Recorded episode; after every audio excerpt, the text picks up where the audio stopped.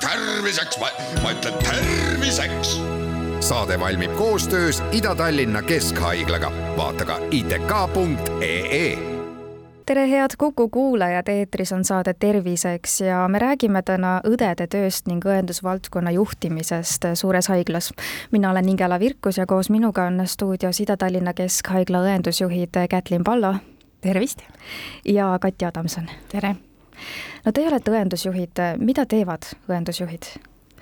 no minu jaoks õendusjuhi kõige olulisem ülesanne on olla olemas oma meeskonna jaoks, igapäevane töö on seotud loomulikult personalitöö korraldamisega, ravimite ja tarvikute tellimisega, lisaks tuleb tegeleda arendustööga, ehk siis äh, koolituste läbiviimine osakonna tasandil, haigla tasandil, äh, töögruppides osalemine, juhendite kas uuendamine, või ülevaatamine.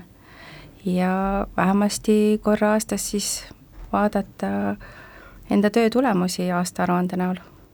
Kui me räägime õest ja õe rollist, siis see on tervishoiuasutustes enamasti selge ja hästi nähtav, kuna õetöö toimub vahetuskontaktis patsientidega, aga tõesti, õendusjuhi töö äh, võib-olla jääb patsiendile sageli märkamata või on see märgatav siis, kui esineb mingisuguseid puudujääke ja keskuse õendusjuhi peamine ülesanne siis on tõesti juhtida keskuse õendus- ja hooldustegevust. ja siit edasi järgmine juhtimistasand haiglas on kliiniku õendusjuht, kes siis peab tagama, et kliiniku tasemel toimuks töö nõuete kohaselt. kuidas õendusjuhiks üldse saab?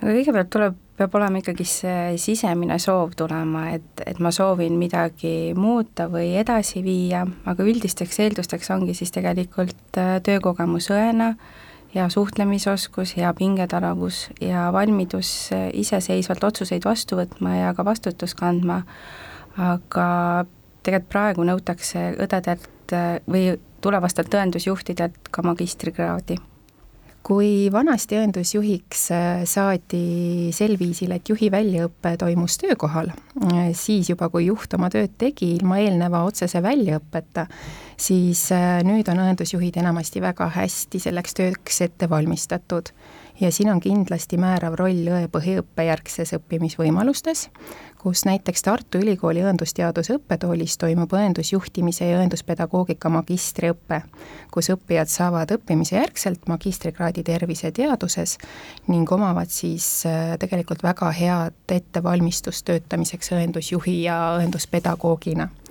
Äh, lisaks on õe põhiõppe järgselt äh, võimalik omandada magistrikraadi nii Tallinna kui Tartu Tervishoiu kõrgkoolides ja osad õed on valinud edasiõpingu võimalusteks Tallinna Ülikooli, näiteks organisatsiooni käitumise õppekava. et neid õppimisvõimalusi on palju ja, ja enamasti siis ongi meie õendusjuhid juba spetsiaalse juhtimisalase väljaõppega kui äh, õe eriala õppima minnakse, siis äh, mis võimalused pärast seda üldse avanevad, et äh, kuhu täna õdesid tööle oodatakse, et või kuidas see jagunemine toimub täpsemalt, et miks näiteks ühed on perearsti juures pereõed, aga teised on siis õed suuremates haiglates näiteks? no õdesid täna oodatakse tööle, ma usun, et kõikjale selles mõttes, et kui lõpetatakse tervishoiu kõrgkoolid, siis tegelikult see tööpõld on väga lai, et äh, minnakse haiglatesse tööle, aga ka haiglas ei pea õde töötama nii-öelda klassikalises nagu õeametis, et haiglas on võimalik äh, koolitusosakonnas töötada, apteegis töötada, teadusosakonnas, kvaliteediosakonnas, noh, perearstikeskused äh, et mõnikord on, kui inimene läheb õeks õppima, et siis on tal juba kindel nägemus, et ta tahab töötada selles valdkonnas.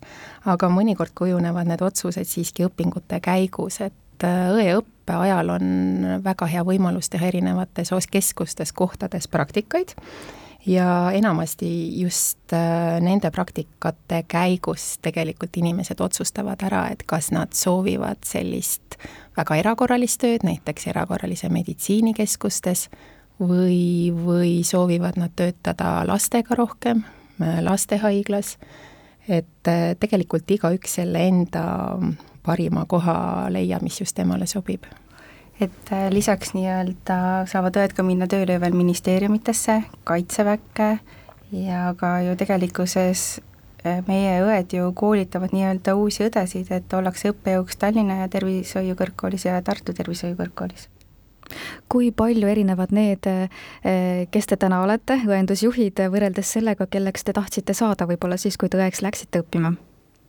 Minu töö õendusjuhina sai alguse siis, kui ma olin töötanud kaks aastat õena ja siis järg õendusjuhiks saamiseks tuli kuidagi loomulikku teed pidi, ehk see väljakutse tundus huvitav ja hästi põnev. mina olen tegelikult kasvanud välja enda keskusest et kui meil oli vajadus uut õendusjuhti valida, siis väga palju tuli võib-olla poolehoidu just nagu oma personali poolt ja mis tõenäoliselt sütitas ka mind äh, valima selle õendusjuhi eriala. milline on aga üldse selline õdede endi jaoks äh, unistuste töökoht või?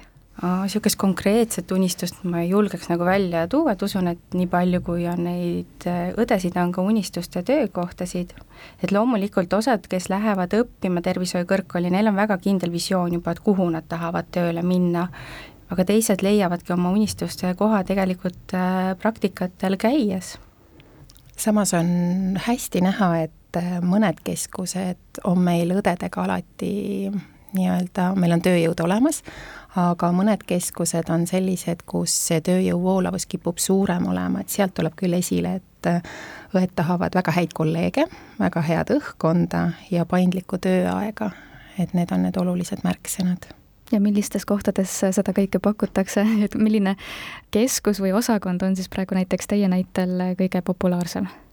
No kirurgiakliinik tegelikult on alati olnud äh, populaarne, sest Ida-Tallinna Keskhaiglas kirurgiakliinik on vast üks suuremaid kliinikuid oma personali arvu hulgalt, et äh, ju meie alla lähevad anestesioloogia intensiivravikeskus, erakorralise meditsiinikeskus, operatsioonikeskus, sterilisatsioonikeskus, uroloogiakeskus, üld- ja onkoloogilise kirurgia keskus, ortopeediakeskus, lülisamba kirurgiakeskus ja kõrva-nina-kurguhaiguste keskus aga selline üldine õdede puudus, mis meil ühiskonnas on, et sellest ei ole puutumata jäänud ka meie mm. -hmm. Kati, teie olete siis õendusjuht Ida-Tallinna Keskhaigla anestesioloogia ja intensiivravikeskuses ja Kätlinna kirurgiakliinikus, et mida õendusvaldkonna juhtimine suures haiglas tähendab? Ma ütleks, et suures haiglas on vast õendusjuht olla isegi kergem kui äh, väiksemas, seetõttu et meil on nii palju neid tugistruktuure. Et ma saan pöörduda mingite probleemide korral, näiteks kui mul tekib küsimus äh, personali osas, siis ma saan personaliosakonna poole pöörduda, ravimite ja tarvikutega mul on alati apteek kõrval, et vaatamata sellele, et ütleme, et Ida-Tallinna Keskhaigla tegelikkuses on suur haigla, on ta piisavalt äh, väike, et me tunneme inimesi, kellega me igapäevaselt koos töötame. et see ongi minu jaoks kõige suurem pluss. kuivõrd teie töö omavahel äh, võrreldes erineb? Äh, erineb ta selles suhtes, et äh, Kati töötab keskuse tasandil, ehk siis juhibki otseselt seda õendushooldustegevust, mis on vahetus kokkupuutes patsiendiga. kliiniku õendusjuht vaatab nüüd selle kliiniku all olevaid keskusi ja koordineerib siis seda tegevust ja toimetab siis arendustegevustega kliiniku tasandil mis teile isiklikult äh, teie töö juures kõige rohkem meeldib, et millised on need hetked, äh, mis teile tõeliselt ja eriliselt rõõmu teevad? no minule isiklikult äh, meeldib minu töö juures minu meeskond, kellega ma igapäevaselt koos töötan, et kui neid inimesi ei oleks, siis tegelikult ei oleks ju meie keskust olemas. No loomulikult niisugused erilised õnnehetked on need, kui meil mingi ühised pingutused õnnestuvad, nii erialased, aga ma elan alati ka kaasa, kui minu äh, meeskonnaliikmetel ka eraeluliselt läheb mingi asi nagu hästi.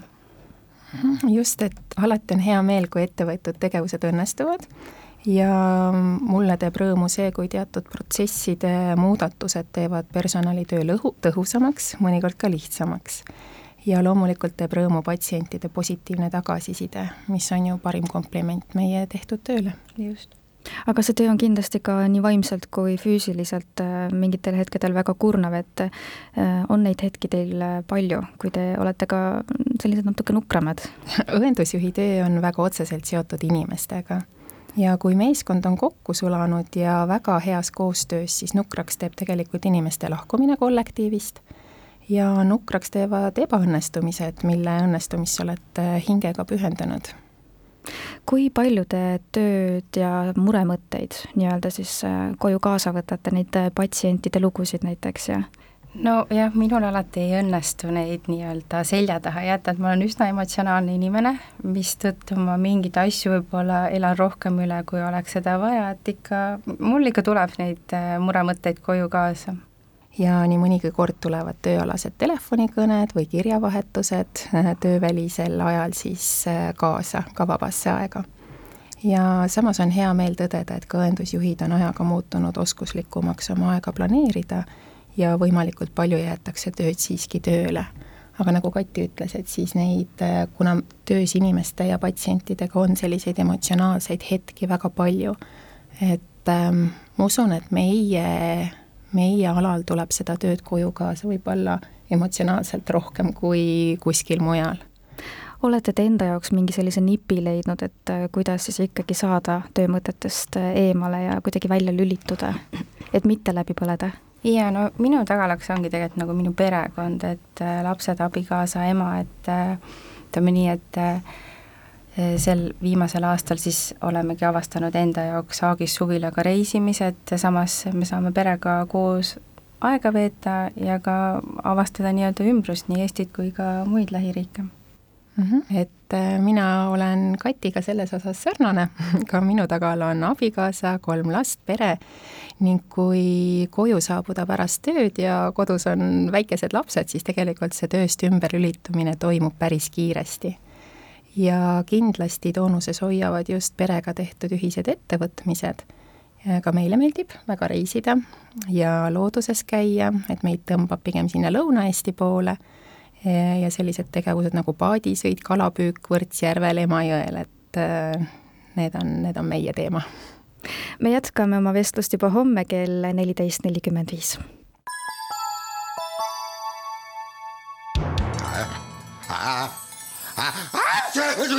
Terviseks, ma ütlen terviseks.